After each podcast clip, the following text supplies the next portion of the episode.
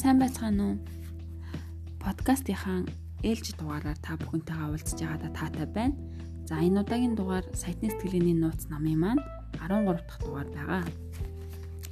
За өмнөх дугаараар би та бүхэндээ Кристен Клоузерийн амжилтын түүхийг уншаад дуусгасан. Одоо энэ дугаарын сэдэв баялагын файл номер 15-ыг уншина. За ингээд аа намаа уншиж эхлэе. Баян хүмүүс мөнгийг хүчийг нь шавхтал өөрсдийнхөө төлөө ажилуулдаг бол ядуу хүмүүс мөнгөний төлөө хүчээ шавхтал ажилдаг байна.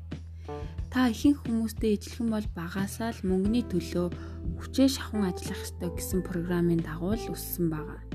Гэтэл мөнгийг өөрийнхөө төлөө хүчийг нь шавхтал ажилуулах нь бас чухал гэсэн ойлголтын дунд өсч том болоогүй байх магадлал ихтэй хүчээ шавхан ажиллах нь маргаан байхгүй чухал боловч зөвхөн хүчээ шавхан ажилласнаар та хизээч баян болохгүй. Бид үүнийг яаж мэдж байгаа юм бэ? Бодит амьдрал дээр харал та сая сая бишээ тэр тэр бом тэр бом хүмүүс өдөр шөнөгүй сөхөр шунтлал ажиллаж байна. Тэд бүгдээрээ баян хүмүүс үү? Үгүй. Тэд их тэдний ихэнх нь баян хүмүүс үү? Үгүй. Тэдний нилээд эцэг нь баян хүмүүс үү? Бас л үгүй. Тэдний ихэнх нь ядуу юм уу? Бараг л бүгд ядуу хүмүүс байдаг. Нөгөө талаас дэлхийн хаасаагүй орон нутгийн клубүүдэд тухлан суугаа хүмүүс хэн байдаг вүлээ? Хин үдээс хооших цагаа гольф, теннис тоглох юм уу заваар сэлэх байдлаар өнгөрөөдөг билээ. Хин ердийн өдрүүдэд дэлгүүрээр хэсч 7 хоногийн сүүлээр амралтанд явж өнгөрүүлдэг билээ. Би танд 3 удаа таах боломж өгөх бөгөөд эхний хоёрыг нь тооцохгүй. Энэ бол баян хүмүүс. Үүнийг ойлгомжтой тайлбарлавал та баян болохын төлөө сөхөж унтлаа ажиллах гэсэн гэсэн ойлголт бол буруу зүйл юм. Хуучны протестант ажлын протестант ажлын ёс зүйн зарчимд 1 долларын хөлсний төлөө 1 долларын хөдөлмөр гэж заасан байдаг. Энэ зөөр үгэнд буруу зүйл байхгүй боловч ганцхан 1 долларын хөлсийг яах ёстой тухай хэлхээ марцсан байгаа юм.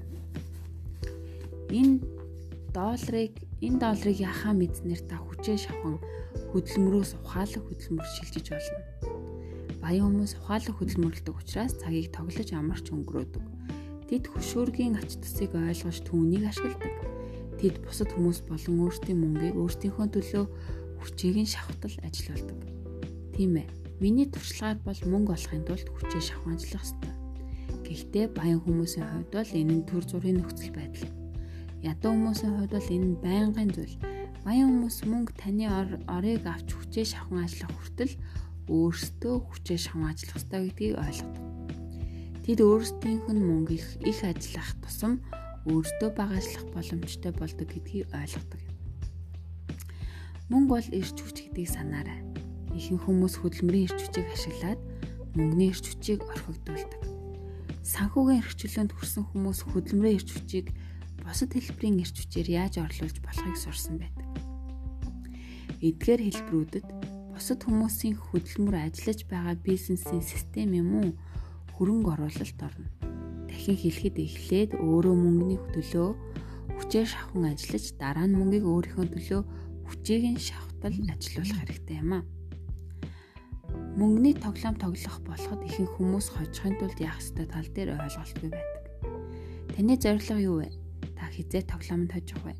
Та өдрийн турш 3 удаагийн хоол, жилд 100 доллар олох, саятан болох эсвэл бүр олон сая хөрөнгөтэй болох зорилготой юу? Сайтны сэтгхүүн эрчимтэй сургалтын дээр бидний заадаг мөнгөний тоглоомоор тоглохын үндсэн зорилго бол өөрөө хүсээгүй бол дахин хизээж хүчээ шавтал ажиллахгүй болох бөгөөд хэрвээ ажиллах бол шаардлагаар биш сонголтоор ажиллахад оршдог юм аа.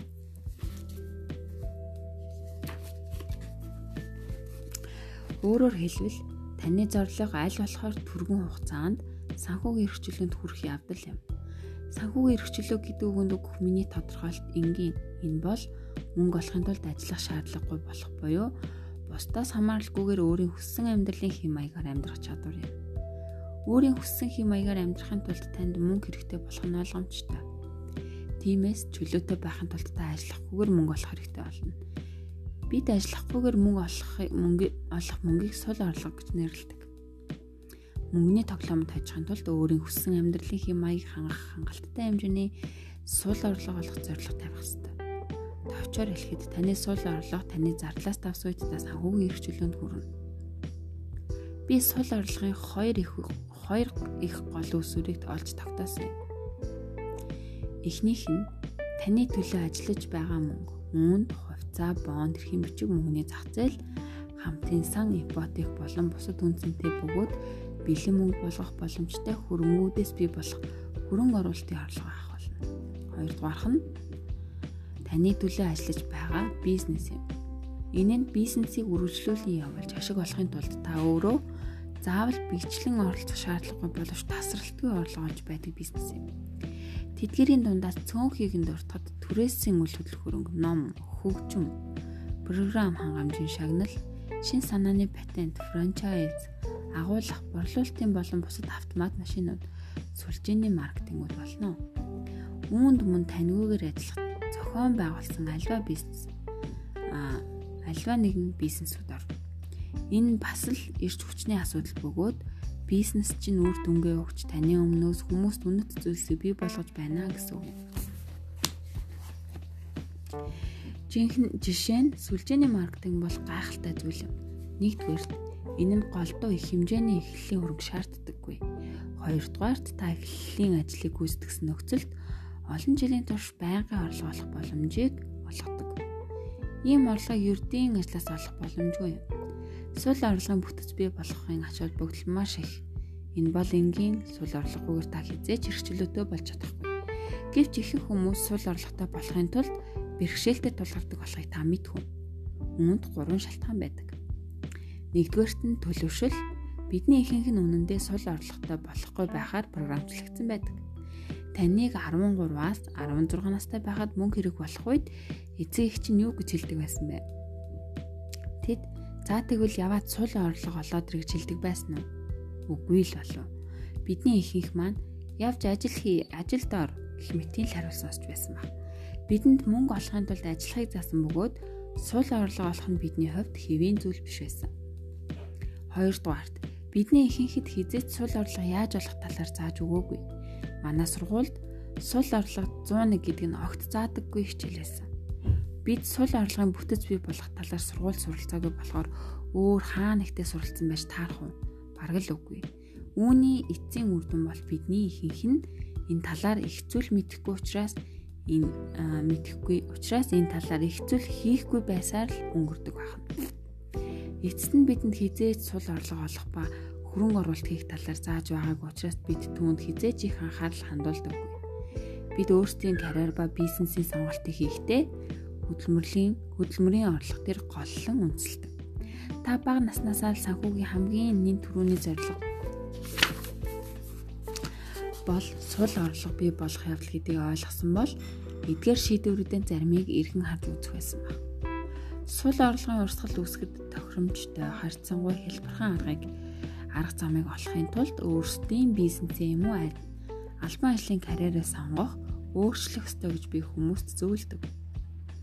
Өнөөдөр үйлчлэгээний салбарт маш олон хүн ажиллах болсон бөгөөд энэ салбарт мөнгө олохын тулд өөрөө биеэр байх шаардлагатай болсон учраас энэ нь улам чухал болж байгаа юм.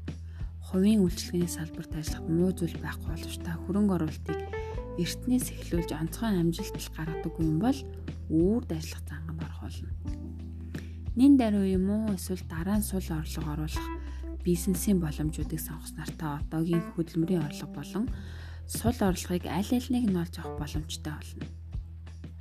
Бидний ярилцсан сул орлого олох бизнесийн боломжуудыг эргэн харахын тулд өмнөх хэсгийг үзнэ үү? Харамсалтай нь баг хүмүүр хөдөлмөрийн орлого олж сул орлого олохгүй байх зориулт бүхэн мөнгөний бодол төсөөлөлтэй байдаг. Энэ хандлага чинь сайтны сэтгүүн эрчимтэй сургалтанд суусны дараа үндсээрээ өөрчлөгдөх болно. Сургалтын үеэр бид туршилтын арга хэрэглэн мөнгөний талаарх таны ихтгэл үнэмшлийг өөрчилж хэмжээний суралт сул орлого олох нь таны хувьд хэвийн бөгөөд байх ёстой зүйл болохоор таны мөнгөний ихтгэл үнэмшлийг өөрчлөх болно.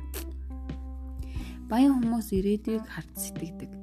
Тэд өөрсдийн өнөөдрийн зугаа цэнгэл зарцуулах мөнгө ба маргаашийн эрх чөлөөний төлөө оруулах хөрөнгө оруулалтын тэнцвэрийг хадгалж байдаг. Ядуу хүмүүс одоо цагийг харж сэтгэдэг. Тэд тухайн үедээ таашаал авах замаар амьдардаг.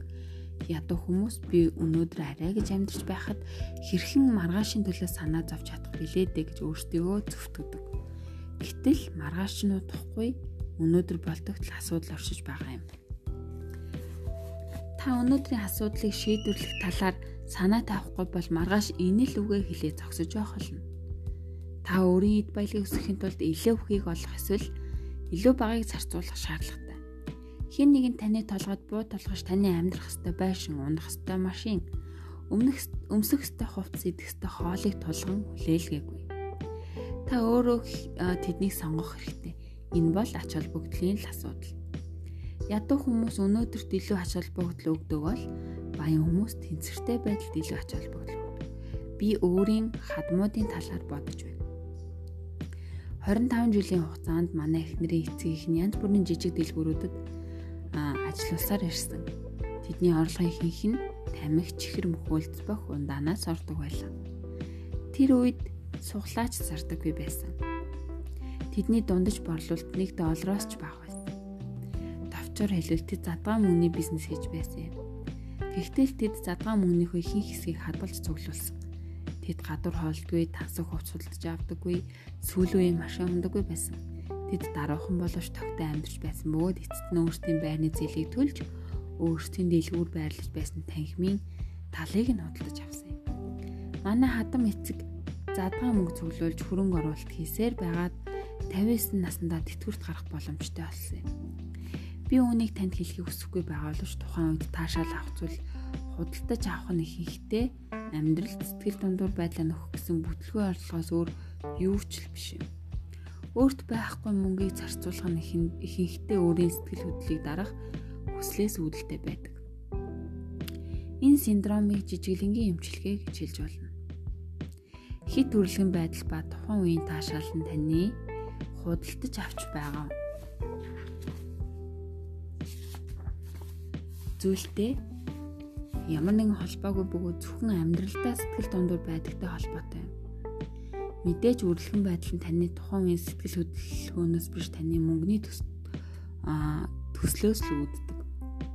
Манай бас нэг суралцагч Наталигийн ярьснаар түүний эцэг нь маш их хахир харамч хүмүүс үйжээ. Тэд бүх зүйлд купон хэрэгэлдэг байж, тэд түүний ээж англиар нялгсан купонуудаар дүүрсэн хайрцагтай байдаг байв. Аав нь 15 жил болсон зэвэрч байгаа машин ундаг байсан бөгөөд Натали түүн дотор суухдаа ялангуяа ээж нь түүнийг сургуулиас нь авах үед маш их хичдэг байсан. Наталийн машин зуух бүртээ хин нэг нь хараагүй байгаасаа гэж залбирдаг байсан гэсэн. Амралтын үеэр тэдний гэр бүл хизээш очиж буудлын мотелд байж үзээгүй. Тэд онцгцоорч явж үзээгүй харин жил бүр 11 өдрийн турш машинаар улс орон даяар хэрэн явхдаа бүхэл замын турш гадаа хонголдог байжээ. Тэдний хувьд бүх зүйл хитрхи үнэтэй байв. Тэдний байгаа байдлаас нь байдлаас Натали өөрийн эцгийг их ятуу хүмүүс гэж боддог байлаа. Гэвч түүний аав жилд 75 мянган доллар олдог байсан түүний бодлоор тухайн үедээ их мөнгө байсан. Натали эцгийн харамж нарийн зан дургу байсан учраас тэднээс огт өөр хүн болжээ. Тэр юм болгоныг дээд зэрэглэлийн бүгд үнэтэй байлгахыг хүсдэг байв тэр бие дааж өөрөө мөнгө олдог болсон даруйда өөрөө ч мэдлгүй хаснаасаа ч илүү мөнгийг яах ихийн зургийг үрчигдэг байж. Натали янз бүрийн кредит карт, гишүүн жилийн картаа байсан бөгөөд тэдний бүгдийг нь дахин жаахан ч болов юм авах боломжгүй болтол нь хоосолж орхидог байна. Тэр үедээ Натали сайтны сэтгүүн семинар сууж эхэлсэн бөгөөд энэ түүний амьдралыг аварсан гэж ярьдаг юм. Сайтны сэтгүүн эрчимтэй сургалтын суралцагчдын мөнгөний шинж чанарыг тодорхойлох хэсэгт Натали ертөнд тэр чигээрээ өөрчлөгдсөн юм. Тэр өөрийгөө яагаад бүхэн бөөрöd байгааг ойлгосон. Энэ бол эцэгийнхээ харамч нарийн занд дургуутсан эсэргүүцлийн нэг хэлбэр байсан байна. Сургалтаар түүний төсөл өөрчлөгдснөөс хойш Наталид өөрийн мөнгийг тэнэг байдлаар өрөх хүсэл төрөөг байна. Натали сайхан гудамжаар явж байхдаа түүний дуртай дэлгүүрийн цонхон дээр цайвар боронгийн тансаг илэн илгэн болон арьсан балтаанууд үлгсэн байхыг харжээ. Түүний дотоод хүн түнд энэ балтаа чамдал цохиндоо ялангуяа чиний цайвар өсдөж маш их цогцсон. Чамд энэ балтаа хэрэгтэй. Чамд аятайхан өвлийн балтаа байхгүй шүү дээ гэж хэлжээ. Ингээд тэр дэлгүүр рүү орж балтааг өмсөж үзэж байхдаа түүний үн 400 доллар болохыг харжээ. Тэр урд ийм их мөнгө балтаанд зарчулж байгаагүй. Түүний дотоод хүн Тэгээд яадаг юм бэ? Балтаа чамд үнэхээр гой цохиж байна. Түүнийг ав. Чи дараа нь мөнгө олчихно гэж хэлв. Түүний хэлснээр тэр энэ л үе сайтны сэтгүүн эрчимтэй сургалт ямар хүчтэй болохыг ойлгосон гэсэн. Түүний татаад хүн балтаа худалдаж авахыг ятгсан даруй түүний шүн бөгөөд илүү тусгай файлд гарч ирж чи энэ 400 доллараас санхүүгийн эрхчлөөний дансандаа хийсэн нь хамаагүй дээр. Чи энэ балтаагаар яах юм бэ? Чамд байгаа өвлийн балтаа ч н одоохондоо болно штэ гэж хэлв. Тэр яах ихийн зургийг балтааг урдын адил тэр дорн худалдан авахын оронд дараа нь дараа өдөр хүртэл хойшлуулжээ. Тэр балтааг авах гэж дахин хизээч очоогүй юм. Натали өөрийнх нь материаллык таашаалын файл нь санхүүгийн эрхчлөөний файлаар солигдож байгааг ойлгосон байна. Тэр дахин юм худалдаж авахгүйгээр програмчлагдсан байна. Тэр одоо өөрийн эцгийн үлгэр дуурайллын давуу талыг авч мөнгө хадгалахын амтаар өөрийн чөлөөт даасанд байгаа мөнгөөр өөрийгөө зугаацуулах тааламжтай болохыг мэддэг болсон. Натали тэгээд өөрийн эцэг эхийг тэнцвэржүүлэх зорилгоор сургалтанд суулгахаар явуулсан юм. Тэд одоо мотелд буудлах болж шинэ машин худалдаж авсан бөгөөд мөнгийг хэрхэн өөрсдийн төлөө ажилуулах суралцсанаар саятан болж тэтгэврт гарсан гэдгийг Натали маш баяртайгаар мэдгдсэн. Натали одоо саятан болохын тулд өөрийн эцэг шиг нарийн баг шаардлагагүй бий болгосон. Гэвч тэр бас өөрийн мөнгөө урдын шиг хамаагүй өрөх юм бол хизээ санхүүг эрхчлөөнд өрөхгүй гэдгийг ойлгож байгаа. Наталийн өөрийн мөнгө ба бодлыг хяналтандаа байлгах нь гайхалтай юм а гэж хэлсэн юм а. Үүний гол санаа нь мөнгө өөрийнхөө мөнгөө өөрийнхөө төлөө айл болох сайн ажилуулахын хамт мөнгө үрхийг өөрийн амьдралын зорилго болгохгүйгээр түүнийг цуглуулж хөрөнгө оруулалт хийхэд оршдог. Баян хүмүүс их мөнгөтэй мөртлөө багыг зарцуулдаг бол ядуу хүмүүс бага мөнгөтэй мөртлөө ихийг зарцуулдаг нь инээдтэй санагддаг. Хитийн болон ойрын хугацаа гэсэн сэдв байна. Ядуу хүмүүс өнөөдрийн амьдралыг хангах мөнгө олохын төлөө ажилдаг бол баян хүмүүс өөрсдийн ирээдүйг хангах хөрөнгө оруулалт хийхин тулд мөнгө олдог байна. Баян хүмүүс үн цэн нь өсөх магадлалтай хөрөнгө ба эд зүйлийг худалдаж авдаг ядуу хүмүүс үн буурах магадaltaй эд зүйлийг худалдаж авдаг. Баян хүмүүс газар цуглуулдаг бол ядуу хүмүүс тооцооны хувьд цуглуулдаг. Би танд өөрийн хүүхдүүдэд хэлдэг зүйлээ хэлье. Үл хөдлөх хөрөнгө худалдаж ав.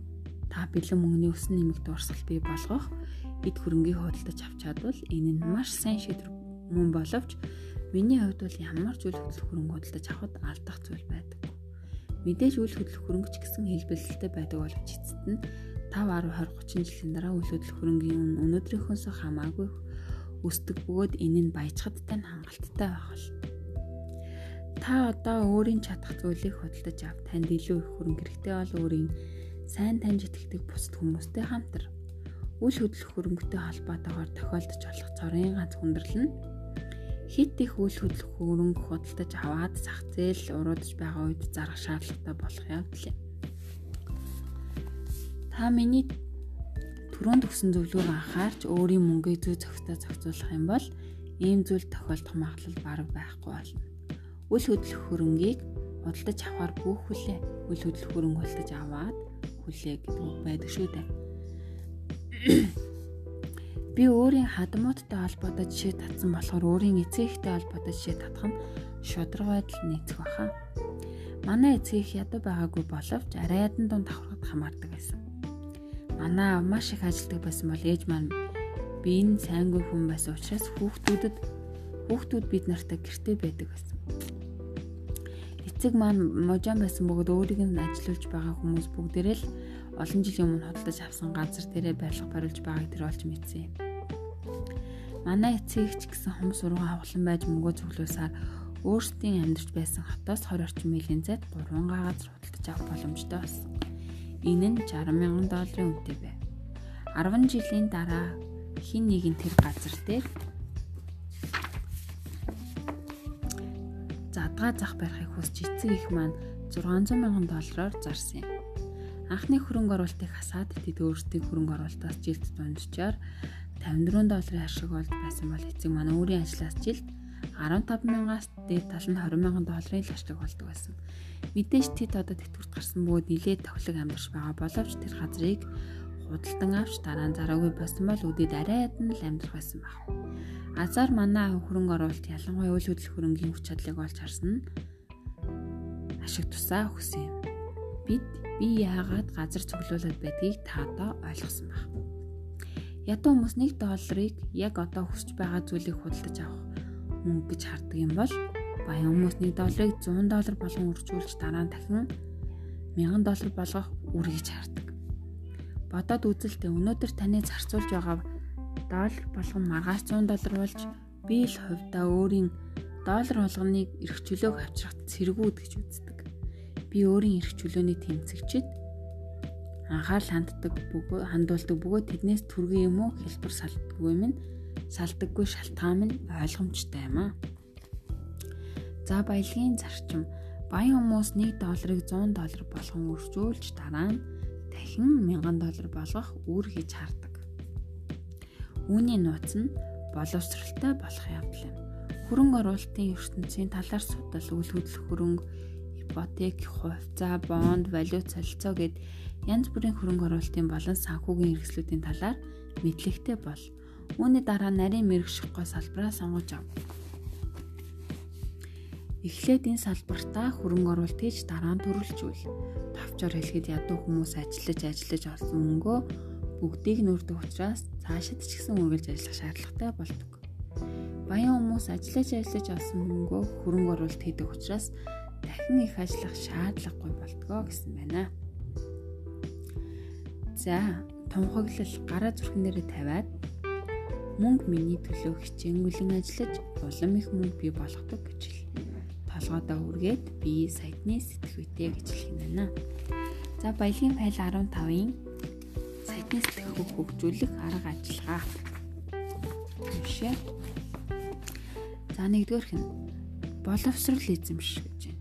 Хөрөнгө оруулалтын семинар сард сард хөрөнгө оруулалтын сэдвтэ ядаж нэг ном унш Money, Forbes, Barron's, Wall Street Journal гэх мэт сэтгүүлүүдийг унш. Тэдний зөвлөгөөг дах гэсэн үг биш боловч санхүүгийн ямар боломжууд байдгийг ойлгож авахыг танд зөвлөж байна. Тэгээд нэг салбарт мэрэгшиж түүнд хөрөнгө оруулалт хийж эхэл. Хоёрдугаарх нь та өөрийн анхаарлыг идэвхтэй орлогоос сул орлогод шилжүүл. Та ажиллахгүйгээр л орлого олохын тулд ашиглах дор хаяж 3 хөрөнгө оруулалтын юм уу бизнесийн стратегийг чагсаа судалгаа хийсний дараа эдгээр стратегиудыг хэрэгжүүлэх арга хэмжээг ав. 3 дугаарх нь үл хөдлөх хөрөнгө худалдаж авахар бүх хүлээ үл хөдлөх хөрөнгө худалдаж аваад хүлээ гэсэн. За ингээд баялагын файл 15-ыг уншиж дууслаа. Энэ хүргээд подкастынхаа энэ дугаарыг өндөрлөе. Дараагийн дугаараар бид нэр баялагын файл 16-г уншина. За ингээд анхаарал тавин сонсон та бүхэндээ баярлалаа. Дараагийн дугаар хүртэл түр баяртай.